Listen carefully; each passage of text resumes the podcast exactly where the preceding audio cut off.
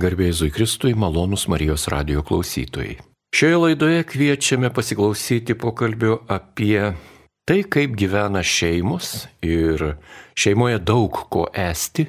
Ir šį kartą akcentuosime bendrą tėvystę ir tėvystę. Kas tai yra ir kaip tai atrodo ir kokie tai yra iššūkiai arba kokia yra viltis, šiandien mums maloniai sutiko papasakoti ir pasidalinti savo išvalgą Vilnius arkiviskupijos karito mediacijos centro Inpace vadovė Ula Dusevičienė ir ją kalbina Liutauras Serapinas. Ir sveikinuosi su gerbiama Ula, garbėjai Zui Kristui, laba diena. Sveiki. Dėkojame, kad atėjote į Marijos radijų ir galime jūsų paklausinėti tikrai tokiom subtiliom temom, kurios viešumoje nelabai yra pristatomos, nes yra gana sunkios patirties arba yra sudėtingos šiais laikais. Tai bendra tėvystė ir tėvystė. Gal galėtumėte, na, porą žodelių pasakyti apie instituciją, kuriai jūs vadovaujate. Kas tai Karito mediacijos centras Inpace? Taip, tai tas mediacijos centras tai yra naujas Karito kūdikis, sakyčiau, e, bet kuris e, brandinosi jau nuo 2017 metų rūpiučio.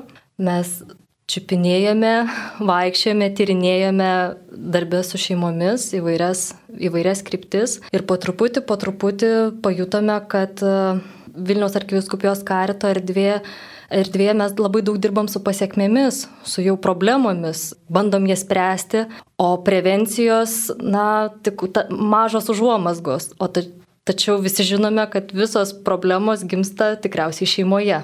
Nes Visa mūsų pradžia atėjusi šį pasaulį, kai mes atsirandam šeimoje, mes pradedam suprasti, kas yra gyvenimas, koks jis yra, darom sprendimus ir dažnai ne visai tinkamus sprendimus, kurie mums paskui trukdo funkcionuoti visuomeniai. Tai todėl tas mediacijos centras, kurio pavadinimas yra lotyniškas, inpace, jo turinys yra taikoje ir ramybėje, tai suponuoja tai, kad tai yra gyvenimas, gyvenimas yra pro, procesas, kurį, kurį sudaro kal, kalneliai ir aukštyn užlipam ir nukrentam, bet tai yra procesas. Tačiau tam procese išlikti ir būti taikoje ir ramybėje, tai yra mūsų, didžiausia mūsų misija, matymas ir tas centras tuo gyvuos ir gyv, pradeda gyvuoti, tuo alsuos.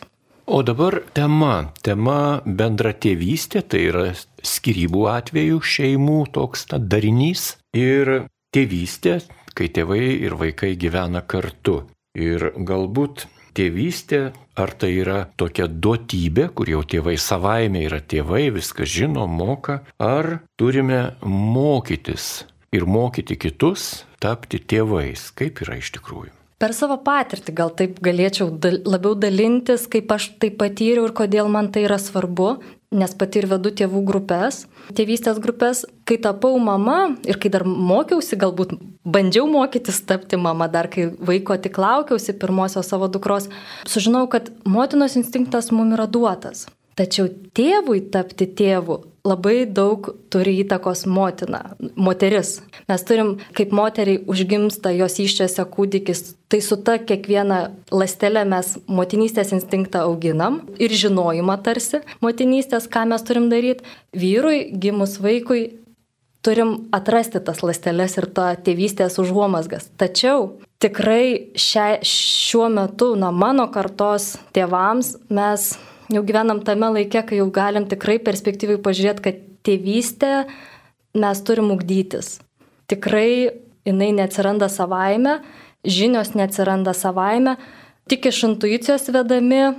Be, be abejo, aš jos nenoriu sumenkinti, intuicija yra labai svarbi, bet žinojimas mūsų veiksmų pasiekmių perspektyvoje mums jo reikia. Tai tėvystės mokytis, stebėti, mokytis labiau gal ne tiek įgūdžių, kiek būti pastabiam ir jautriam tėvystėje, pastebėti, kad mano veiksmai galbūt nėra tokie efektyvūs. Mano meilė vaikui, kuri gali būti besąlygiška, perspektyvai neduoda tų vaisių, kurių mes norėtumėm, kad duotų.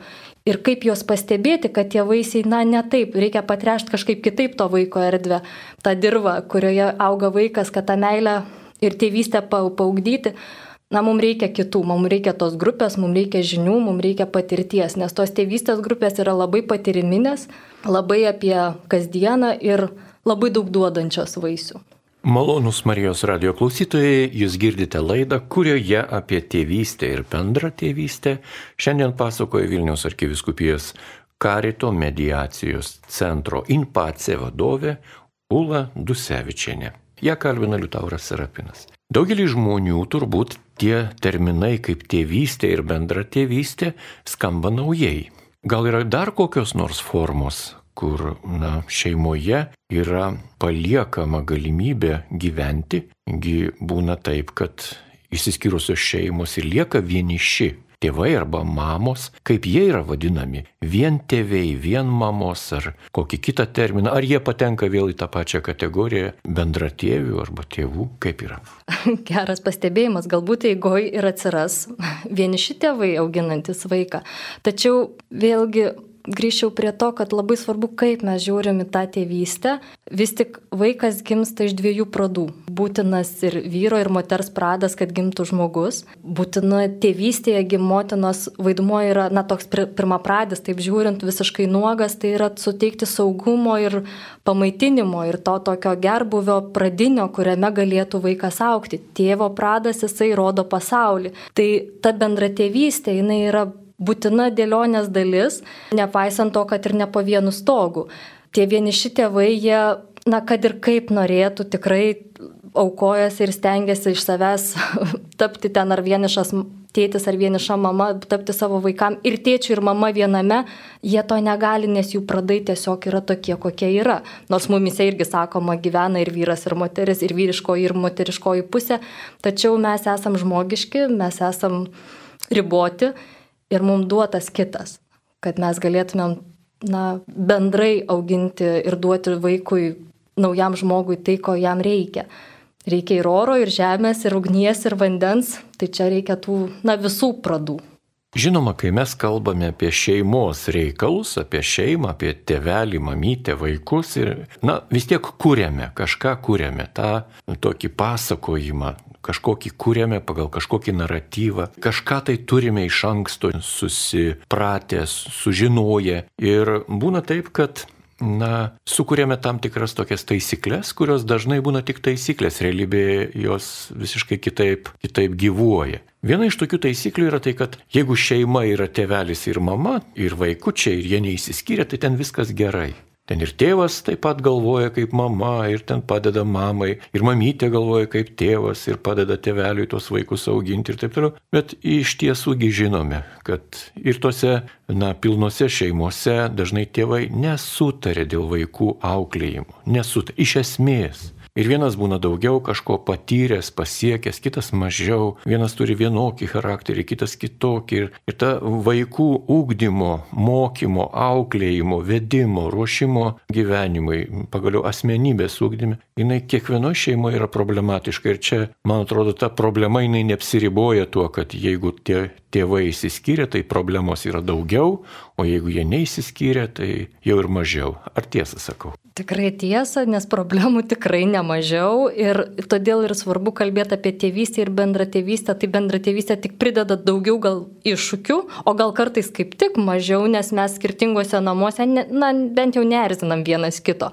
Tuose pačiuose namuose auginant mes patiriam tuos iššūkius. Ir kas man atrodo labai yra svarbu suprasti, kad konfliktai, jie yra būtini, tai yra duotybė mums aukti, tai yra galimybė. Ir kai, jeigu konfliktų nebūtų, mes nežinotumėm ribų, mes nežinotumėm kitoniškumo, mes, na, būtų labai neįdomu visų pirma. Tik tai kaip mes tame kitoniškume gyvenam, ką mes darom, todėl labai svarbu išmokti pykti ir pykti reikšti tinkamų kelių.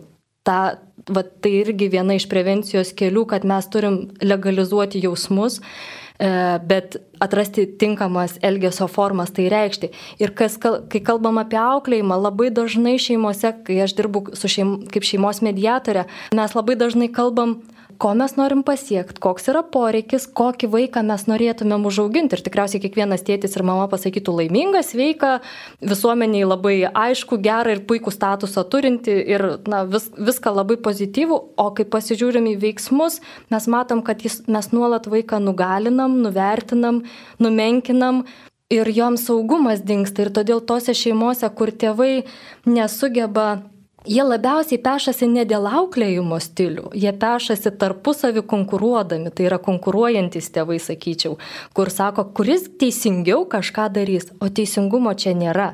Čia yra auklėjimo stiliai, jie mums duoti tam, kad kaip krypti, pažinę savo vaiką, pabandę suprasti, ko jam reikia, kad jis auktų, nes svarbu auginti vaiką taip, kaip vaikui reikia, o ne taip, kaip tėčiui ar mamai, kuris kažko kažkada vaikystėje negavo, tai dabar vaikas eis ten, nežinau, mano dukra dabar bus balerina, nors neturi nei duomenų, nei ją įdomu. Gal jinai nori būti menininkė, dailininkė ir dar kažkaip. Kaip pamatyti tą, ko reikia vaikui ir nekonkuruoti. Ir nuolat reflektuoti, ar mūsų auklėjimo būdai taisyklės, ribų nubrėžimai, pasiekmes, nebausmės, labai svarbu, kad tai būtų. Ar jos padeda mūsų vaikui aukti ir ar mes matom, nes mes tėvai atsakingi už perspektyvą ir už ateitį vaiko. Seneliai tai yra pramoga, jie jau savo perspektyvą užauginę. Tėvai vaikams yra, na, mes atsakingi už tai. Ir ką mes į tai dedam. Tai todėl pilnuose namuose augant mes turim pasižiūrėti, ar tikrai saugi erdvė visų pirma vaikui aukti, Galbūt kartais skyrium gyvenant tai bus saugiau, bet tai nereiškia, kad tėvystė bus mažesnė, mažiau reikalinga ir na, neaugins to vaiko taip, kaip jam reikia.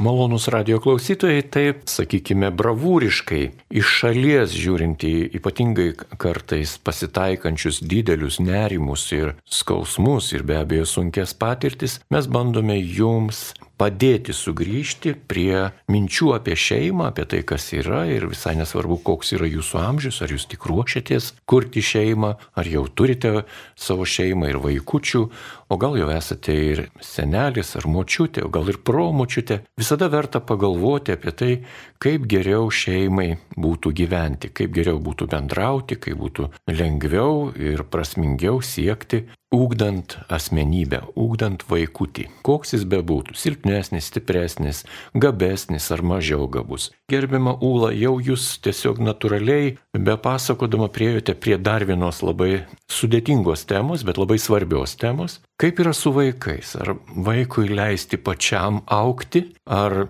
Vaikai patys gali užaukti, dabar visuomenė tokia galinga, tiek daug institucijų, tiek daug visokiausių yra tarnybų. Ir vaikas be tėvų tikrai neprapuls, jisai vis tiek užauks, jis bus žmogus. Ar vaiką ugdant, mokant ir, ir taip toliau auginant, reikia mokytis to, ieškoti žinių, pagalbos, patarimo, siekti domėtis ir taip toliau ir taip toliau. Tai kaip yra iš tikrųjų, tie vaikai gali patys užaukti, ar vis tik tėvams tai yra didžiulė atsakomybė ir milžiniškas darbas kai susilaukiau dukros, pirmos, aš turiu dvi dukras jau dabar, tai aš juokiuosi, aš išeinu į darbą kaip į pramogą, man čia taip gerai ir taip lengva, nes namie, na, aš nežinau, sudėtingesnio darbo, kaip, nu, man tai tikrai yra darbas ir nuolatinis 24 valandas per parą, nes ir naktį ir nerimauji, ir augini, ir būdi. Tai yra, aš nežinau, nieko sudėtingiau nei auginti vaikus, bet su laime tai sakau, nesukančia. O atsakant į jūsų klausimą, tai irgi paralelė man su medžiu. Medis tarsi gali savaime užaukti. Vaikas irgi gali savaime užaukti. Bet ar jisai užauks uh, turėdamas tvirtą kamieną, gerą skūrą, daug lapų ir galbūt net vaisius brandins, ar jis užauks vos vos besilaikydamas ir galimai vėjo papūstas, pa, papūstas nuluš. Tai mes vis tik, jeigu taip žiūrint į pradžią, mes gimstam, kai tik vaikas gimsta, ko jam reikia, jam reikia greito prisiglaudimo ir apkabinimo ir pasakymo, aš čia esu šalia, tu būsi saugus. Ir tada tėvai, aišku, pas, susiduria su ta, tuo paradoksu, kad toks mažas, toks kūdikėlis ir taip šokdina, ir taip suaugę ten nežino, kaip ten jam atliepti visus poreikius, bet tai lieka iš dalies visą gyvenimą. Jau jeigu mes susitikom, taip mums duota, taip Dievas mums davė tokią galimybę kurti žmogų, tai mes jo negalim palikti vieno. Žmogus gimė nebūti vienu, mums būtinas kitas. Daug dievė, kad tai visada būtų šalia mama ir tėtis, kurie mums, kad ir kokie jie yra, mums jie bus visada svarbiausi.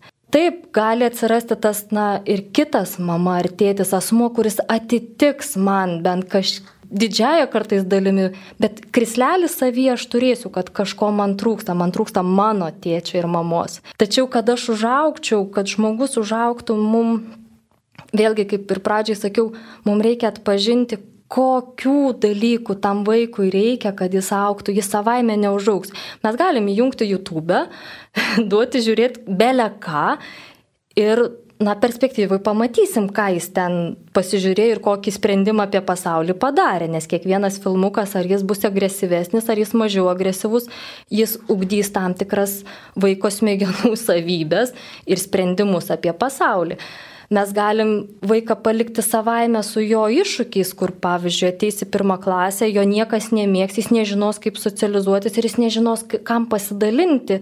Ir tada kas jam nutiks, jis dažniausiai žmogus, ką noriu gintis, pasaulis geresmingas, aš nemoku jame pritapti, kur man dėtis. Ir labai daug žmonių tokių užauga, nu kurie dėja ir tampa visuomenės vadinami outsideriai, nes jiem nepavyko nuo mažų dienų būti, aukti. Jiem nebuvo to tėtės ar mamos, kurie galbūt užsiemė kitais tuo metu reikalais. Tai būna kartais labai sudėtingos skirybos, pavyzdžiui, ir, ir tėvai tikrai teismo procesais labiau domisi, sakydami, kad vaikų rūpinasi, pas kurį geriau bus vaikui gyventi, o vaikas yra draskomas į šipulius. Ir to augimo tenais labiau regresavimo yra nei augimo ir tada jo šakos kažkurios jau nebeišauga. Ir su ta trauma žmogus užauga, žinoma, bet klausimas kokia kokybė ir ar jis laimingas. Na ir tikrai ištarėte tą stebuklingą žodį laimė. Dažnai apie laimę viešumoje nėra įprasta kalbėti dėl daugelio priežasčių, kurios yra patirtinės, kultūrinės, religinės ir taip toliau ir taip toliau. Ir mes žinome, kad manipuliuoti kitus asmenys per laimę, didesnę, mažesnę, ekonominę, finansinę, kokią kitokią, yra labai nesudėtinga. Ir tikrai tam tikrų technologijų vienas iš raktinių būdų palenkti žmogų savo arba jį kažkaip užvaldyti, nukreipti, manipuliuojant, tai ir yra tas laimės stebuklingas žodis. Ir iš tikrųjų Kai kalbame apie laimę šeimoje, tai čia yra daug lengviau suprasti, nes šeimoje vienas žmogus negali būti laimingas. Taip pat jeigu imtume didesnę šeimą, giminę, taip pat mes matome, kad nepatogumai arba kažkokios netektis palietusios mūsų giminaičius taip pat ir mus paveikia. Ir didesniai šeimoje negalime būti vieni laimingi. Taip pat negalime būti laimingi ir dar didesniai šeimoje, ką vadiname tauta arba mūsų tėvynė. Ir dar didesniai šeimoje, tai jeigu kalbame apie katalikų bažnyčią. Mes taip pat negalime būti laimingi, jeigu žinome, kad ten kažkur Ukrainoje krikščionys krikščionių žudo ir, ir, kaip sakant, tas žudimo procesas neturi pabaigos. Tai taip pat kenčiame mes kaip krikščionys visur ir visada. Taigi šeimoje laimė, kaip tos laimės siekti? O gal tai yra tik tais tokia vizija, gal tai yra tik siekis, nebūtinai realybė, nes žinome, kad labai laimingos šeimos greit, nu kaip sakyt, nučiuožia nuo tos laimės, jiems ten tie visi principai ir pradeda daryti negerus dalykus, pradeda naudotis, išnaudoti. Mes puikiai pamename, kaip prieš 20-30 metų buvo bandoma kurti indigo vaikus, juos daryti dirbtinai laimingus. Tas vaikas vaikas nieko nemoka, nieko nežino, bet mokykloje jam visada žalia šviesoforo šviesa. Kuris be nueitų, jis visur laukiamas, ką jis be padarytų, jis vis, už viską gyriamas. Su viniu praėjo per sieną, oi, koks talentingas bus tapytojas. Taip sugadino sieną, bet jis bus talentingas galbūt. Tas vi, vinies bryžis, galbūt tai yra jo išraiška. Ir taip toliau mes matėme jau labai keistų projektų. Bet vėlgi grįžtame prie laimės. Kokia ta laimė ūkdant vaikus? Man labai tokia vizija pasimatė. Tėvai sako, na, labai, gyvaikas bus nelaimingas, jeigu aš ten nenupirksiu žaislo, neduosiu to, nu, trečio, na, netenkinsiu jo poreikių, jis toks nelaimingas, na kaip čia. Tėvystė nėra apie vaiko poreikių tenkinimą tik tai. Ir mūsų laimė nėra susijusi su tik mūsų poreikių tenkinimu. Ir tai, ką vat, materialusis tas mums pasaulis tarsi suponuoja ir mūsų smegenys priema, va, gavau, ar vartotojiškais žiūrint, ne, nusipirkau kažką, aš jau laimingas. Ten dar kažką, kažkokį, nežinau, susitikimą turėjau, kuriame aš ten labai sužibėjau, aš jau laimingas. Vaikui leidau neiti į mokyklą, vaikas jau laimingas. Išvengė fizikos kontrolinio, vaikas jau laimingas. Na ir daug, daug, daug tų poreikių, tokių atlieptų į tokį, na, paviršutinišką laimę, sakyčiau. Aš laimę suprantu kitaip, šiek tiek. Ir tai visų pirma, mes turim keturis tokius bazinius poreikius visi žmonės. Ir nuo, nuo pačių pirmų ateimo vėlgi grįšiu į mūsų pasaulį. Pirmas bazinis mūsų poreikis, kuris vadinasi priklausimo jausmas. Kai aš priklausau, aš jau jaučiuosi gerai. Vaikas gimęs šeimoje jaučia meilę, jaučia saugumą, aukti jau tokioje aplinkoje gali, jis jaučiasi priklausantis tai šeimai. Ir jeigu ir mama, ir tėtis jaučiasi irgi priklausantis tai šeimai, jau tam dariniui, jau mes turim galimybę aukti link laimingumo. Jau tame mes galim rasti laimingumo jausmą. Kita pakopa yra galėti gebėti, gebėjimo jausmas. Kai aš jau priklausau, aš, mano veiksmas kažką padaro kažkuo yra naudingas toj mūsų šeimoje. Vaikas pradeda vaikščioti, mes labai džiaugiamės, kad jis vaikšto, jis jau gali, mus, mu, mūsų džiaugsmą, mums džiaugsmą suteikti gali. Toliau yra vertingumo jausmas, kai mano veiksmai, mano galėjimas kūrė vertę. Tai vad, pavyzdžiui, tą džiaugsmą šeimai. Ir paskutinė pakopa yra būti, drįsti būti netobulų, drįsti klysti. Ir va čia aš sakyčiau, čia yra didžiausia laimė, kai mes šeimoje galim ateiti ir pasidžiaugti, ir kontroliniais pasidžiaugti, kiek pastangų įdėm, ne rezultatu, o procesu, vėlgi grįšiu į pradžią, taikoje ir ramybėje, būti procese ir džiaugtis būti netobulu. Nes dažniausiai mes labai savo menką vertiškumo jausmą e, praskrolinam Facebook'e, pasižiūrim, kokie kiti laimingi ir dabar ko pas mus šeimoje trūksta. Na, dabar ten Petriukas gavo 10 ir ten olimpiadoje laimėjo, koks jis fainas, va čia man reikia, kad ir mano onytė taip darytų. Bet netame yra laimė. Laimė yra, va, kai aš galiu šeimoje būti tokiu, kokiu esu, būti netobulu, pasakyti, kad man ne viskas išeina, bet aš stengsiuos ir, ir tiesiog jaustis tame gerai ir būti priimtų ir mylimų. Tai va, aš tai, tai manau, kad tai yra laimė ir to mums labai reikia visiems. Na, o dabar jeigu kalbame apie laimę tėvų ir jeigu tai procesas toks svarbus, iš tikrųjų procesas labai svarbus, tai tėvystės įgūdžių arba žinių tėvystėje, jų reikia siekti, tą tėvystę reikia ugdyti, ar jai reikia tiesiog leisti natūraliai aukti, į kokią pusę pakryps, tai bus gerai?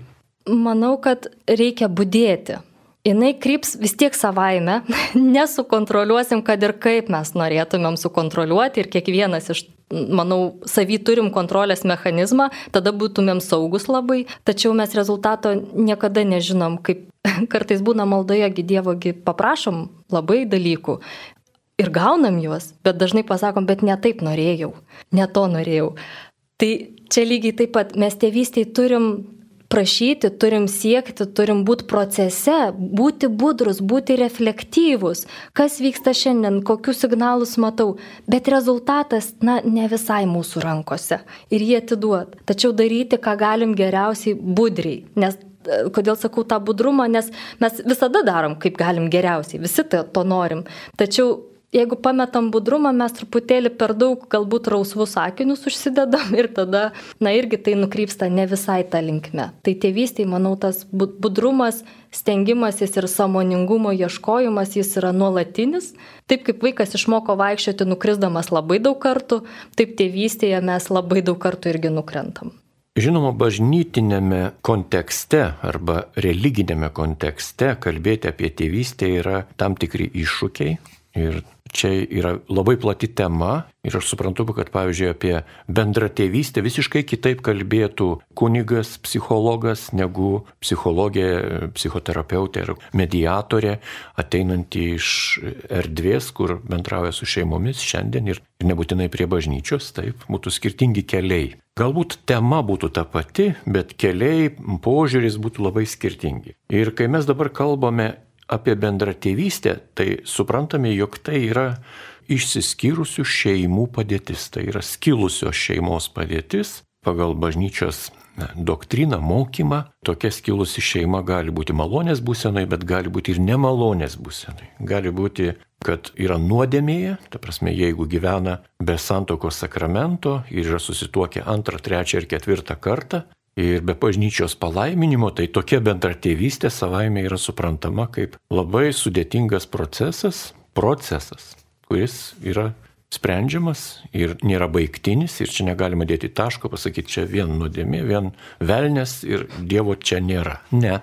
Taip daryti negalime, neturime jokios moralinės, jokios religinės teisės, bet bet yra kanonas, yra bažnyčios mokymas ir kai kalbame apie bendrą tėvystę, tai mes šiandien ją suprantame, kad šeima yra malonės būsenoje, tik yra sukurta antrą kartą ir galbūt yra vaikai iš kitos santokos ir tada tėvai tampa bendra tėviais, tiek tėvas, tiek mama. Ir kaip dabar ta bendra tėvystė, kaip jos siekti, kaip ją suprasti. Ar tai yra utopija, gal tai yra tik tai žmogaus noras kažką pakeisti, padaryti geriau. Gal nieko nepavyks, neįmanoma atstoti tikro tėvo, tikros mamos, kaip yra.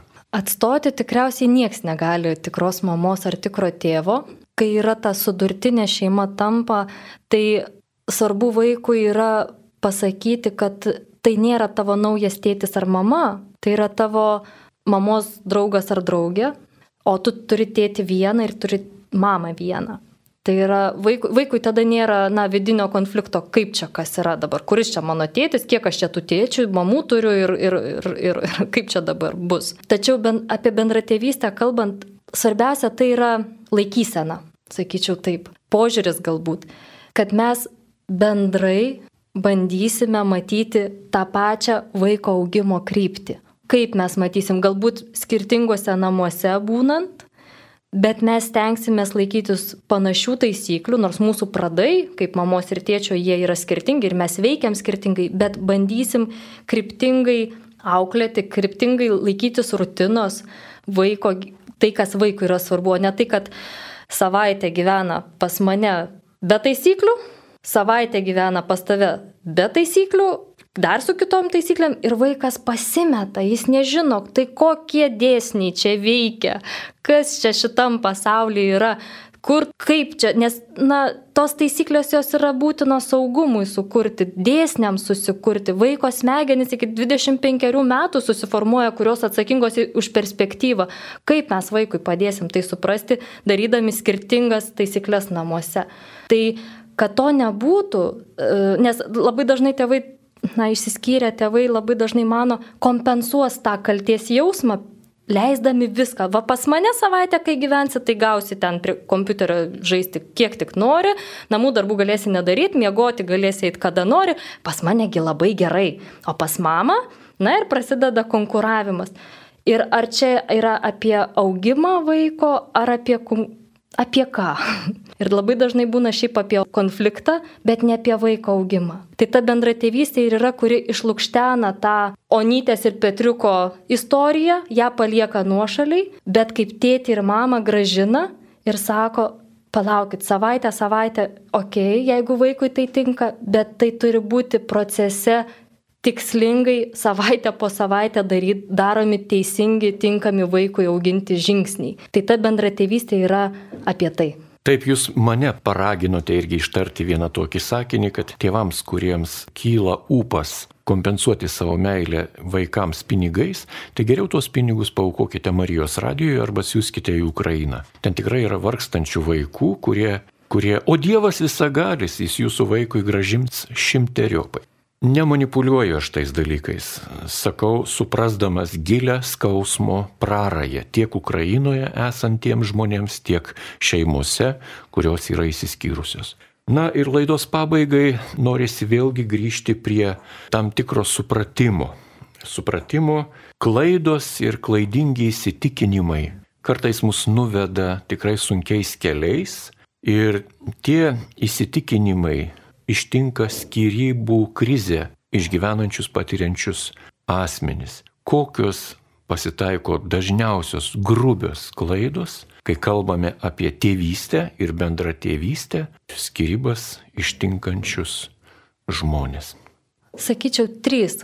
Taip galėčiau pasakyti, trys grubiausios klaidos tai yra, kai žmonės skiriasi, jie pasirašo sus, santokos nutraukimo teisinių pasiekmių sutartį ir joje yra trys pagrindiniai klausimai susiję su vaiku.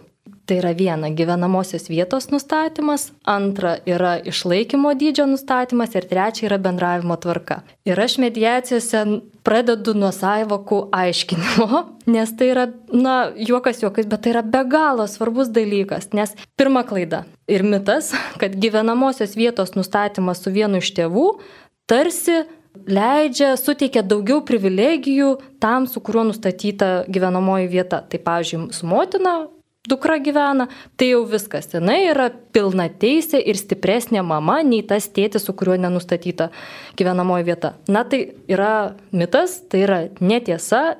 Labiau tėčio ar labiau mamos nėra. Tai yra tik tai toks algoritmas, kad su vienu nustatyta gyvenamoji vieta kitas privalo išlaikymą mokėti. Tačiau vėl antroji didelė klaida, kad pasiskaičiuoja, kiek čia Google'as rodo vaiko išlaikymo dydį tą mėnesiui, ai, 250 daugiau nereikia. Na tai irgi yra netiesa, nes jeigu vaikas gyveno šeimoje, jo išlaidos per mėnesį siekia 1000 eurų, o privačią mokyklą ar nežinau, darželį ar dar kažką lankė ir staiga gaus ten 500 čia kartu per pusę dalinant sumą, na tai vaiko poreikiai yra nepatenkinti.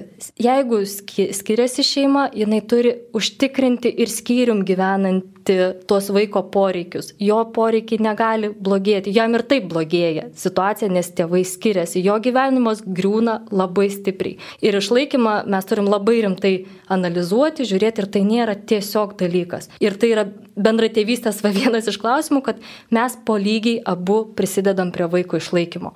Ir trečias dalykas - bendravimo tvarka. Tai yra aš noriu savaitę savaitę gyventi ne dėl to, kad noriu su vaiku būti. Čia yra vienas iš mitų. O dėl to, kad nenoriu mokėti išlaikymo. Nes jeigu bus savaitę savaitę, tai kam aš kam nors kažką turiu mokėti. Nesgi ten kažkieno poreikius tenkinsiu, ne vaiko. Tai bendravimo tvarka yra labai svarbus dalykas. Tai yra kaip ir svarbiausia yra tai vaikui, kad vaikas žinos, kada, kaip aš su kuriuo būsiu iš tėvų, kaip tas naujas namas, kuris bus labai keistas, kaip jis bus statomas, Ir labai dažnai svarbu yra įtraukti vaiką į tuos susitarimus. Ypač tai yra, jeigu, na jau bent jau dešimties metų vaikas, su mažesniais yra kiti dalykai ir labai svarbu atsižvelgti vaiko jo raidą, jo jautrumą ir visus kitus dalykus, o ne savo poreikius. Nes labai dažnai bendravimo tvarka nustatoma pagal tėvų poreikius ir lūkesčius, kam čia kaip geriau bus manipuliuota ateityje kažkokiais dalykais, bet ne apie vaiko poreikius. Tai va trys dalykai, kurie labai greitai papuola į tokį, na, ne į tą pusę, sakyčiau. Mėly radio klausytojai, ši laida dėje jau eina į pabaigą, o tema yra milžiniška ir mes tikrai vienos laidos formate su gerbiama Ūla Dusevičiane nesugebėsime apriepti visų problematikos kampų, kas ten šeimoje kaip atrodo, kaip kyla, bet šį kartą bandėme žvilgterti į reiškinį, kuris vadinasi tėvystė, kai šeimoje yra neįsiskyrę tėvai ir vaikai ir visi gyvena kartu, ir bendra tėvystė, kai šeimos yra išsiskyrusios ir vaikai gyvena kartu su kitais vaikais bei kitais tėveliais. Tai ir būtų ar mamytė, ar tėvelis. Ir žinoma, mes dėkojame tiem žmonėms, kurie augina ir savo, ir ne savo vaikus, kurie ieško būdų, kaip daryti taip, kad vaikas užauktų asmenybę, kad užauktų mažiau paliestas kažkokių tai kompleksų, kažkokių tai sutrikimų ir, ir taip toliau savo raidoje. Ir be abejo dėkojame gerbiamai Vilnius arkiviskupijos karito mediacijos centro vadoviai. Centro pavadinimas yra INPACE, tai yra naujas darinys Vilniaus arkiviskupijoje, Ulai už šią laidą. Kaip apibendrintumėte šią laidą, kokį akcentą dėtumėte šios laidos pabaigai, gerbiama Ula? Tikriausiai keliais žodžiais. Visų pirma, neužmirškim, kad meilė yra galinga, tik jinai ne visada būna labai maloni ir joje stenkimės būti budrus, kad galėtų tame aukti ir kitas. Malonus Marijos radio klausytojai, jūs girdėjote laidą, kurioje apie tėvystę ir bendrą tėvystę kalbėjo Vilnius arkiviskupijos karito mediacijos centro Inpace vadovė Ula Dusevičiane. Likite ir toliau su Marijos radiju.